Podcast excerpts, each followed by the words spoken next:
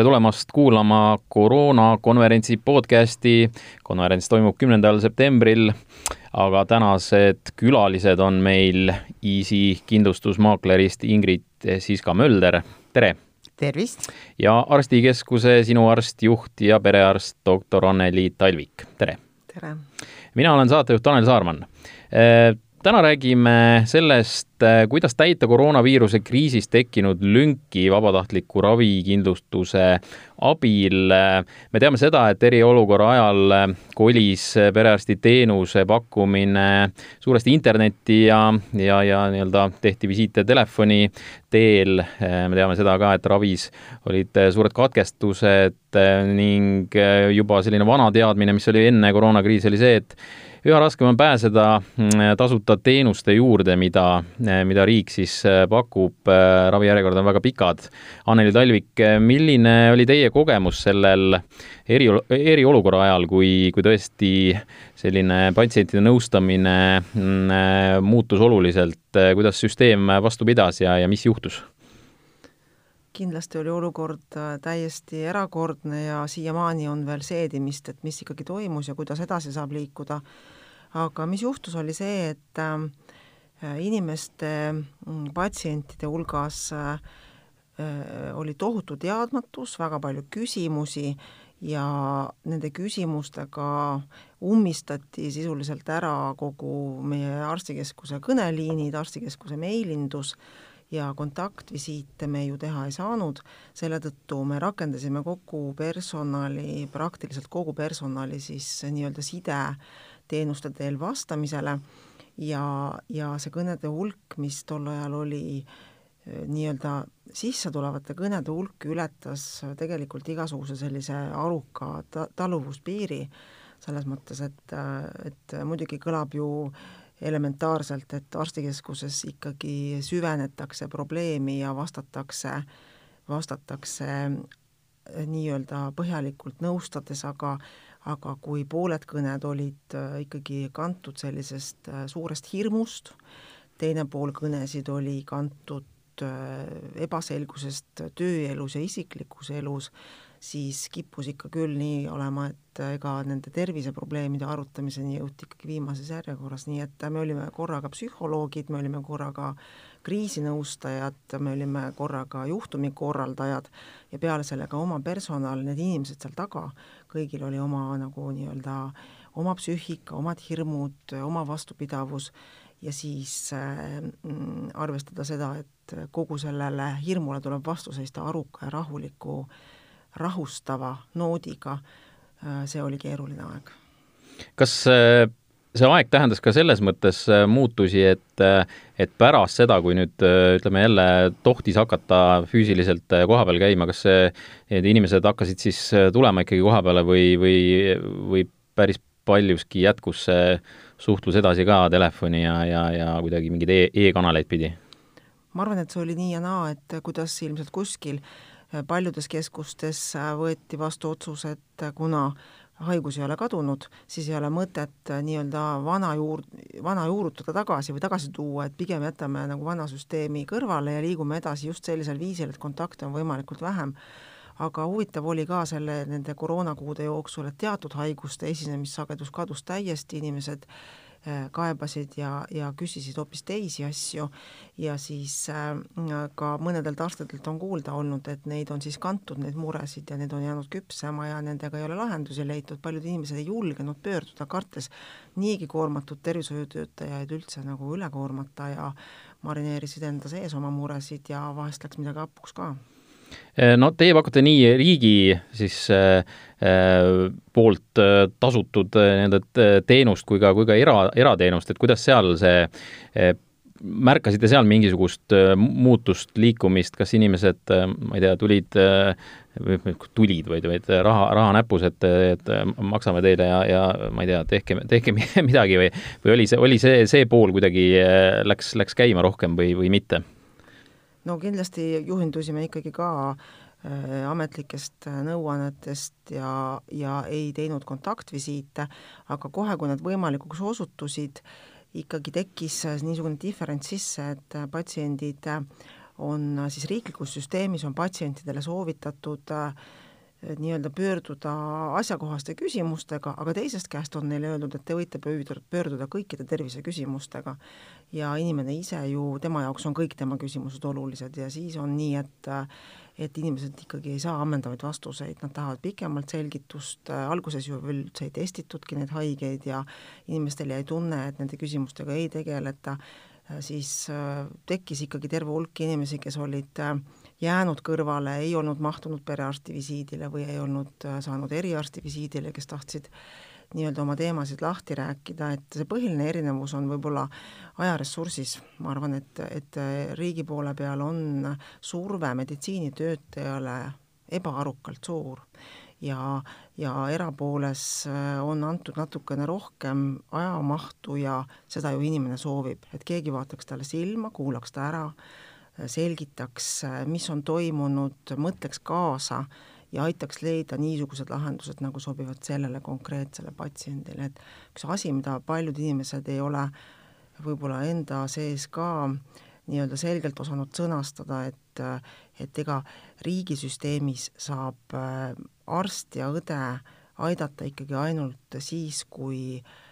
meditsiinisüsteemile tundub, et nüüd on vajadus abi järgi aga patsientidel on ka soovid. Ja soov võib ka olla vajadus, sellest võib kooruda välja vajadus, aga riigisüsteemis on ikkagi selgelt määratletud, et patsient ise ei saa seal eriti midagi soovida. ja see tekitab tänapäeva maailmas väga suure inimestel nagu sellise sisemise konflikti, ühest küljest tahavad hoolitseda oma tervise eest, tahavad ennetada probleeme, aga teisest küljest on äh, on äh, nagu nii-öelda plokk ees, sellepärast et miks te siia tulete, vaadake passi, teil ei ole ju veel midagi viga, meil on palju haigemaid inimesi ja kõik need sellised linnalegendid, aga noh, ütleme, nendel on palju tõde, on seal taga, inimesi natuke tõrjutakse ka, kui nad esialgu pöörduvad alles mitte nii väga olulise kaebusega, aga võib-olla kaebuse algusega. Ingrid Siska-Mölder ähm meil on äh, väga vähestel äh, töötajatel on, on äh, tööandjate poolt pakutav ravikindlustus. kas ütleme, kuivõrd erinev on siis selline kui me räägime just jällegi sellest koroonakriisist ja, ja, ja praegusest ajast ja ka sellest ajast, mis meil siin märtsikuus hakkas lahti rulluma, et kuivõrd erinev siis nende inimeste olukord on nendest, kellel, kellel seda vabatahtlikku ravikindlustust ei olnud, et just paneme sellesse konteksti, et milline kasu sel perioodil võis nagu neil inimestel olla? no nii, nagu siin praegu Anneligi noh, juba enne, enne rääkis, eks ole ju, et, et me räägime sellest, et, et, et riikliku meditsiini noh, ütleme, kui mul on, oleks vaja perearstiteenust olnud sellel ajal, eks, ja siis kui mul oleks vaja olnud seda rohkem aega ja pühendumist, eks, mida minu perearst äh, riikliku äh, noh, süsteemi kaudu lihtsalt ei suudakski mulle anda, noh, nagu öeldud, et siin, et, et seda aega on vähem, ressurssi on vähem, eks, ja ma pean pöörduma arsti juurde, noh, kiiresti saama. no ma tean seda, et mul isiklikult, noh, mina pääsen oma perearsti juurde päris kiiresti, noh, kes, kes siis mulle on nagu määratud. Äh, ma tean oma kolleege, tean oma lähituttavaid, kellel on perearsti päris perearsti juurde pääsemine ongi väga keeruline, kuna ta ei asu siin, noh, kus see inimene töötab, siis äh, noh, need vastuvõtuajad ei klapi, eks ole ju, ja noh, mis siin salata, ma ei, nüüd ei tea, ma loodan, et ma ei tee mitte kellelegi liiga, Anneli, aga noh, ka nende tasemed on ju erinevad, eks ole ju. ja on, on inimesi, kes ei usaldagi oma perearsti. ja siis ma leiangi endale perearstiteenuse pakkuja äh,, tasuliste pakkujate hulgast, mis on täiesti normaalne. ja loomulikult ma maksan siis nende teenuste eest ju ise, kui ma tulen tasulisele vastuvõtule, siis ma maksan ise ju ka analüüside eest ja, ja muude teenuste eest, mida siis minu tasuline perearst mulle saaks pakkuda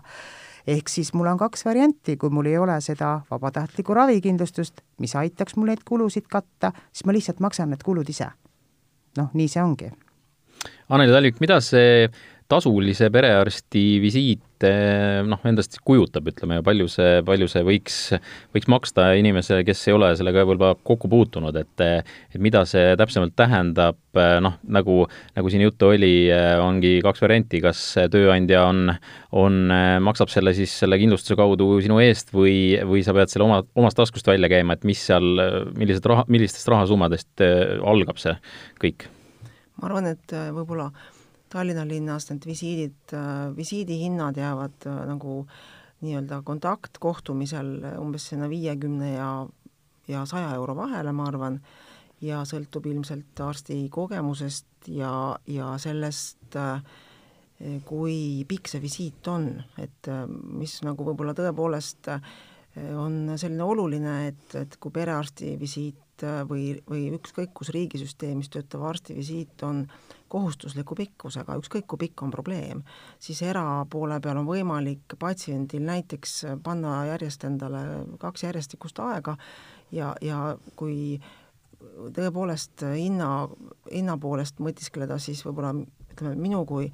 tasulise perearsti visiidist patsient harva lahkub suurema euroga, suurema hinnaga, suurema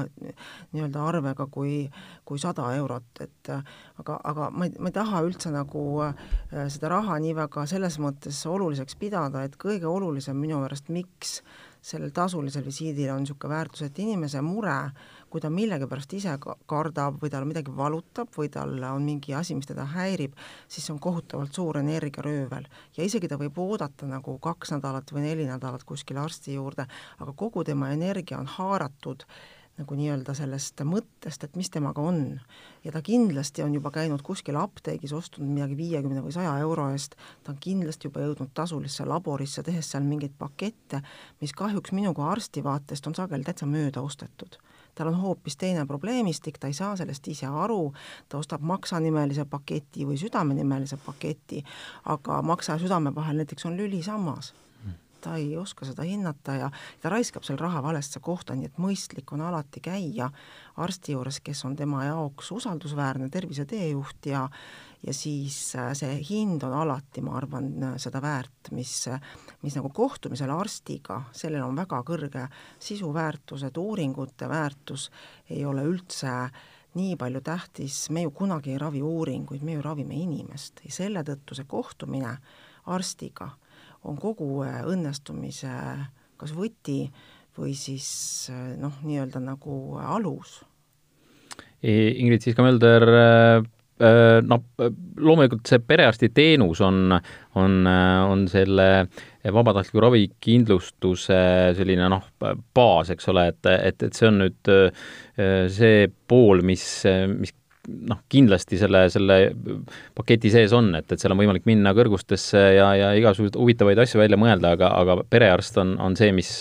mis on selle nii-öelda kõige minimaalsem, minimaalsemas sees, eks ole? jah, pere- ja eriarstiabi siis mm -hmm. noh, sõltuvalt sellest kindlustuspakkujast, kuidas seda nimetab, kas ta siin ambulatoorne ravi, aga sinna jah, siis kuuluvad nii pere kui, kui eriarstiabi, eks ole. aga seal, ka seal on, eeldatakse, et see kõik ikkagi noh, ütleme, see algab ikkagi perearstist, eks ole, ja siis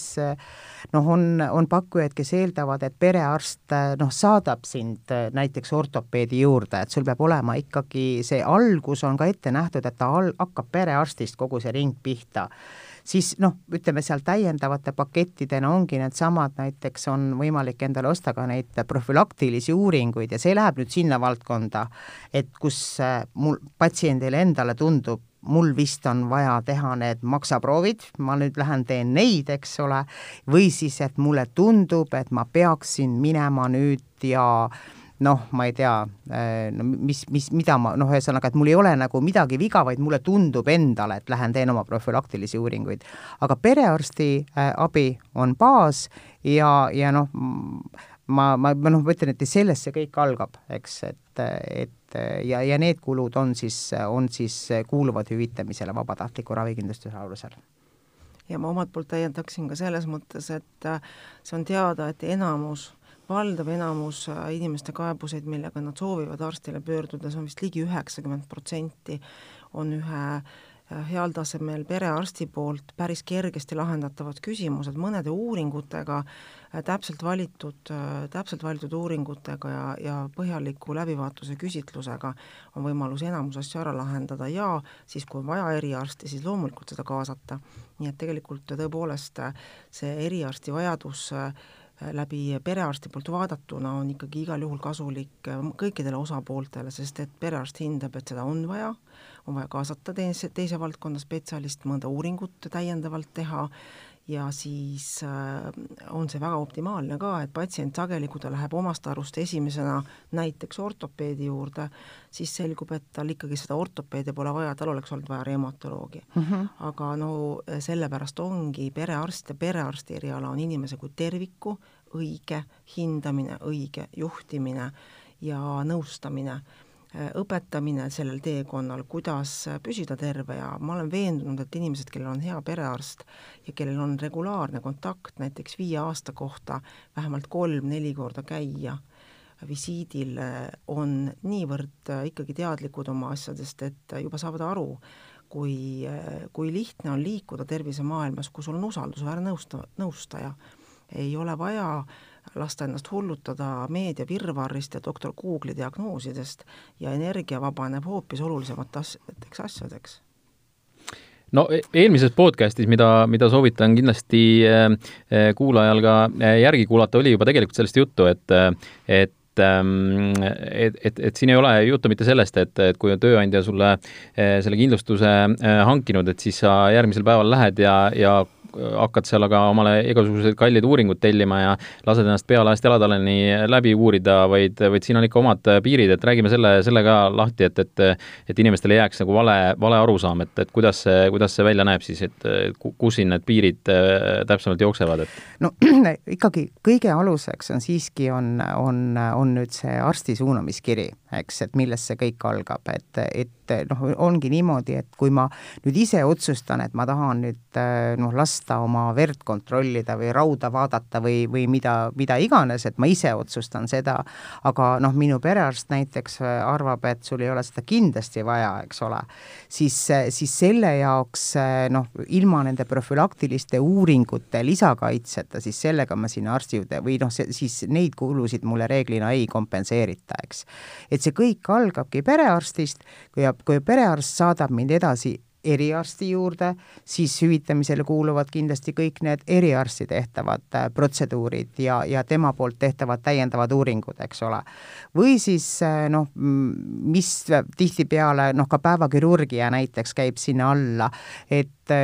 et noh, jällegi elust enesest ma tean ka oma kolleegide ja, ja, ja noh, oma klientide hulgas, et noh, on inimesed, kes näiteks Haigekassaga ootavad oma mandlilõikust noh, hästi-hästi väga pikka aega, eks ole ju, noh ikkagi aastaid aastaid, ütleb Anneli kõrvalt, et neid oodatakse. Ja, ja siis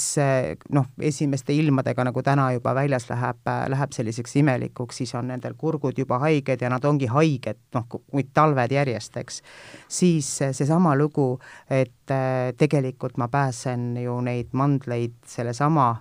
kui minu perearst ütleb jah, need on vaja välja võtta, siis selle vabatahtliku ravikindlustuse abil ma saan ära teha ka need protseduurid, eks ole ja mina omalt poolt kindlasti äh, tahaksin ka seda öelda, et Eestis on ju oma olemuselt väga hea,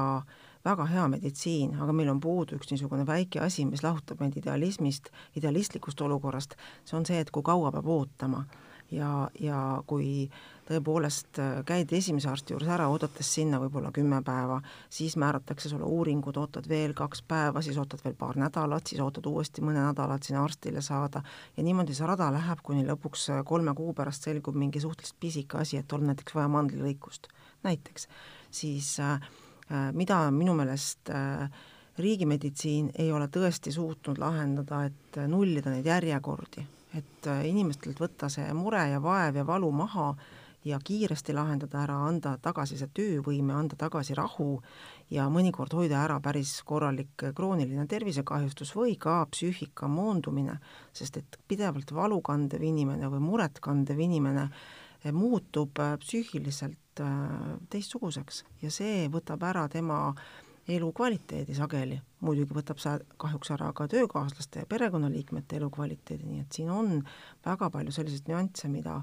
mida nagu arvesse võtta, aga üks asi veel tahan täiendada ka, et mis puudutab seda, et mida siis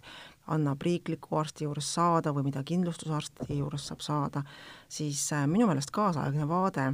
kogu meditsiinile enam ei käi niimoodi, et patsient läheb ja nõuab midagi ja ütleb, ma tahan ja ma pean seda saama, vaid äh, kaasaegselt võiks ikkagi lähtuda sellest, et äh, süsteem, on see siis riiklik ravikindlustussüsteem või on see eraravikindlustussüsteem või kindlustussüsteem kuskilt kolmanda maksja poolt, usaldab seda arsti, kelle ta on välja valinud, mis tähendab seda, et selle arsti sõna maksab, inimene teeb nii, nagu see arst on soovitanud ja kui sellel inimesel on mingi mure, siis ta on ju sellest võtnud pähe, et ta tahab seda uuringut. kui hakkad ikka küsima, miks inimene seda ilmtingimata näiteks mingit magnetuuringut nõuab, siis pikalt pinnides lõpuks selgub, et aga tal suri hiljuti näiteks, ma ei tea, ma ei tea, õe parim sõbranna ära või suri paar aastat tagasi ema näiteks ära ja ta on kandnud seda hirmu, teadmata, kuhu sellega minna ja ta arvab, et see uuring lahendab tema küsimused, seal tuleb inimesega rääkida ja see kõik laheneb, aga veel kord, riigisüsteemis meil ei ole just liiga palju aega arutada veel kolmandaid küsimusi lisaks sellele ühele, millega inimene pöördus koroonakriis äh, on pannud arenema telemeditsiini äh, valdkonna äh, ja Eestiski on mitmeid teenusepakkujaid, kes siin ka maailma on, on laienenud siin just, just eriolukorra algusajal oli kuulda, et, et väga populaarseks on ka meie teenusepakkujate tooted läinud. on see meie tulevik ja, ja, ja need teenusepakkujad ise ütlevad, et just see ongi see võti, kuidas neid ravijärjekordi äh, siis äh, vähendada, ehk siis et, äh, et ütleme, ma, ma ise olen aru saanud nii, et see sõel, kus, kus siis eralduks need, kellel on,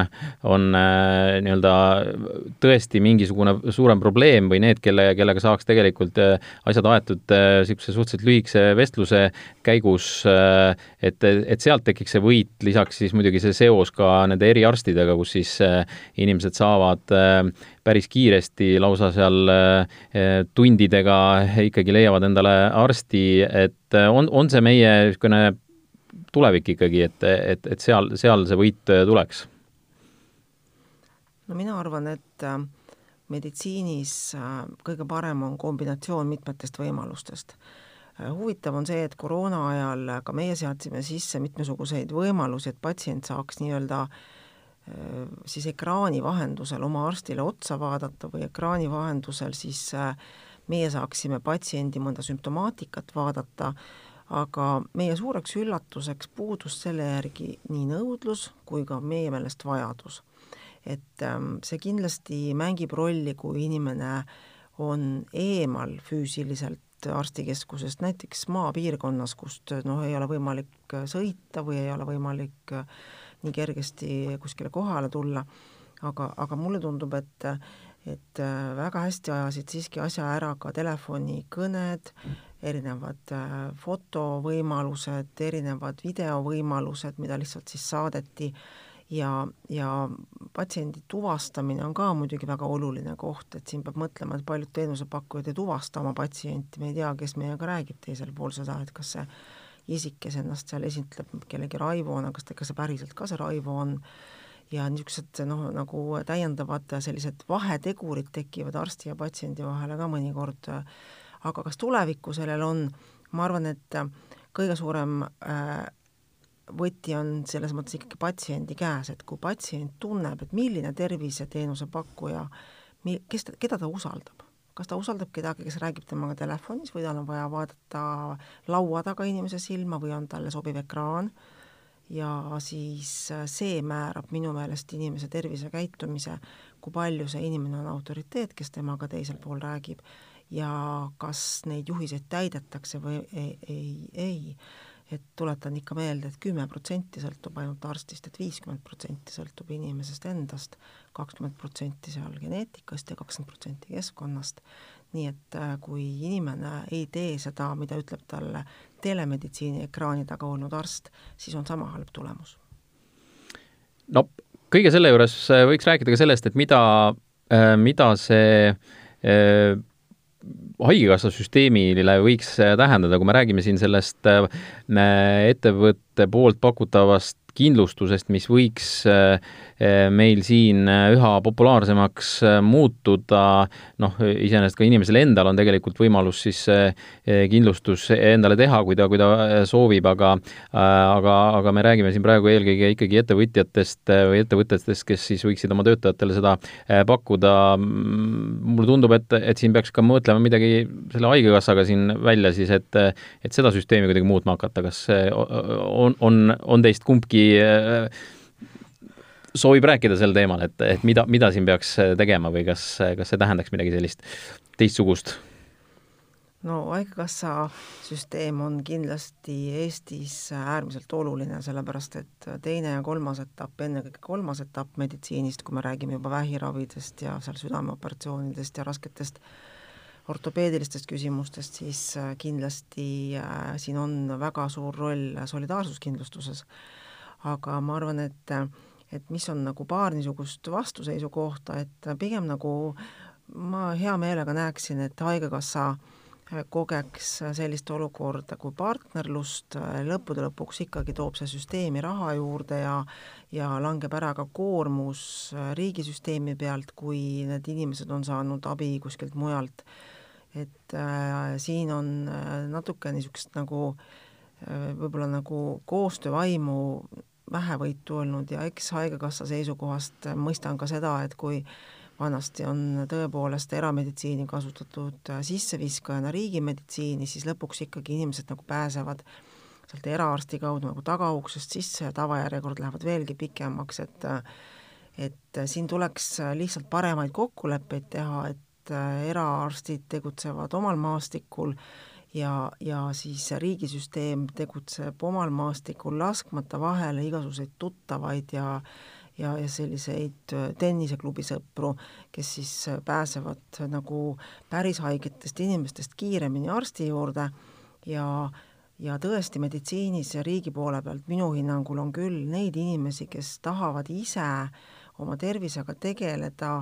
ja see on siis see soovi koht, patsiendil on soov mitte vajadus. ja nende inimeste eiramine on minu meelest kaasajal ikkagi üsna rumal, et seal võib nagu see sõel olla liiga tihe ja mõni inimene magab midagi maha. et keegi peaks nendega tegelema ja kuna riigisüsteemis see võimalus täielikult puudub, see on niivõrd õhukeseks lihvitud, nii efektiivseks tehtud, et praktiliselt inimesega ei räägita enam üldse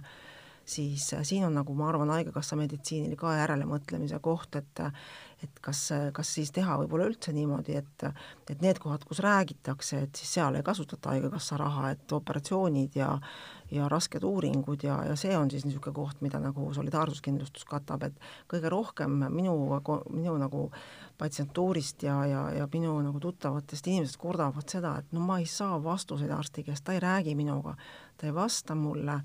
ta ei seleta mulle ja siin ei saa tõesti ette heita riigisüsteemis töötavate arstide peale, neid on nii ülekoormatud. et Haigekassa võiks siin natukene mõelda, et kui suure väärtusega ikkagi see inimese, inimese kontakt on ja kuidas seda lörtsitakse täna ka nagu väga palju sellise prahiga, mille võiks Haigekassa rahumeeli tõsta näiteks tasulise meditsiini poolele ja mitte kurnata süsteemi, tekitades patsientidele asjatuid ootuseid no lõpetuseks küsin äh, mõlemalt äh, ühe küsimuse, miks peaks üks äh, ettevõte oma töötajale ravikindlustust pakkuma? Mm, võtame kokku, mis, mis, mis need olulised punktid on, miks, miks see sinnapoole peab üha enam liikuma? no praegu võtan siit, noh, kui, kui Anneli kirjeldas seda, et, et kui palju läheb näiteks aega, kui minul töötajana on mingi probleem ja siis ma tahaksin sellega tegeleda ja ma tahaks pääseda oma arsti juurde ja siis mul läheb kümme päeva selleks ja siis läheb kaks päeva analüüsideks ja siis põhimõtteliselt töötajana, kui ma olen ikka nüüd väga mures sellega, mis minuga toimub ja ma ei saa aru, et mis minuga toimub, eks ole, siis minu noh, ja, ja, ja ma tegelen ainult oma, oma probleemiga, eks ole, siis minu tööandja seisukohast on see loomulikult, siis on puhtalt maha, maha visatud aeg, eks ole, et ma ju ei ole, noh, ma ei tööta tema jaoks, vaid ma ootan vastuseid oma terviseküsimustele näiteks, noh, selles pikas järjekorras, eks. Ja, ja et noh, et päris kindlasti selle vabatahtliku kindlustusega, noh, kui ma niimoodi mõtlen, eks ju, siis noh, loomulikult, kui mul on mingi jama, siis noh, noh, siis ütleme, et noh, et inimesena jah, ma leian selle viiskümmend eurot ja ma leian selle sada eurot, eks. aga meil on ka inimesi, kes ei pruugi leida seda sadat eurot, noh, kelle jaoks on sada eurot niivõrd suur raha, et noh, et see, et nad siis on, pigem nad kannatavad, on selles samas pikas järjekorras ja ikkagi ei tööta, eks ole. et noh, tööandjana, kui ma olen huvitatud sellest, et minu töötaja tunneks ennast turvaliselt, et tal probleemi tekkides oleks tagatud siis kvaliteetne ja kiire äh, arstiabi, siis, siis loomulikult äh, see vabatahtlik ravikindlustus on äh, see toode, mis aitab talle seda korraldada. Anneli Talvik, midagi lisada? no mina muidugi saan öelda arstina seda, et äh, need inimesed, kes käivad äh, minu perearsti eravastuvõtul sinu arsti terviseteenustes, ja saavad äh, täisväärtuslikku abi, on lihtsalt rahul. ja minu meelest on ka nii, et äh, riiklikus pooles on rahul need inimesed, kes on nii terved, et nad peaaegu üldse arsti ei vaja ja kes on nii haiged, et nad vajavad väga keerulist äh, ja väga kaasaegset meditsiini. ülejäänud mass, mida minu meelest on suur enamus, ikka kurdab ja kuna näen, et patsiendid, kes tõesti saavad õigeaegselt, kellel on probleemid ähm, kiirelt lahendatud, kes on hästi nõustatud, lahkuvad äh, rõõmsa õnneliku pilguga ja hoiavad ennast edaspidi ise palju paremini, siis mis saab olla arstile suurem rõõm, kui tõepoolest soovitada, et äh, tuleb ise oma tervise eest hoolitseda ja kui tööandja tõesti on nii kena ja tahab äh, lisaväärtust pakkuda oma töötajale, siis see on üks hea tööandja ja selle tõdemusega on äh, väga hea äh, tänasele podcastile joon alla tõmmata, tänan külalisi ja ka podcasti kuulajaid. Äh, kümnendal septembril leiab kinos Cinnamon Cosmos aset koroonakonverents, kus muuhulgas turismivaldkonna tulevikust räägivad Anne Samlik Estravelist ja Paavo Nõgene Tallinkist. püsige terved ja kuulmiseni!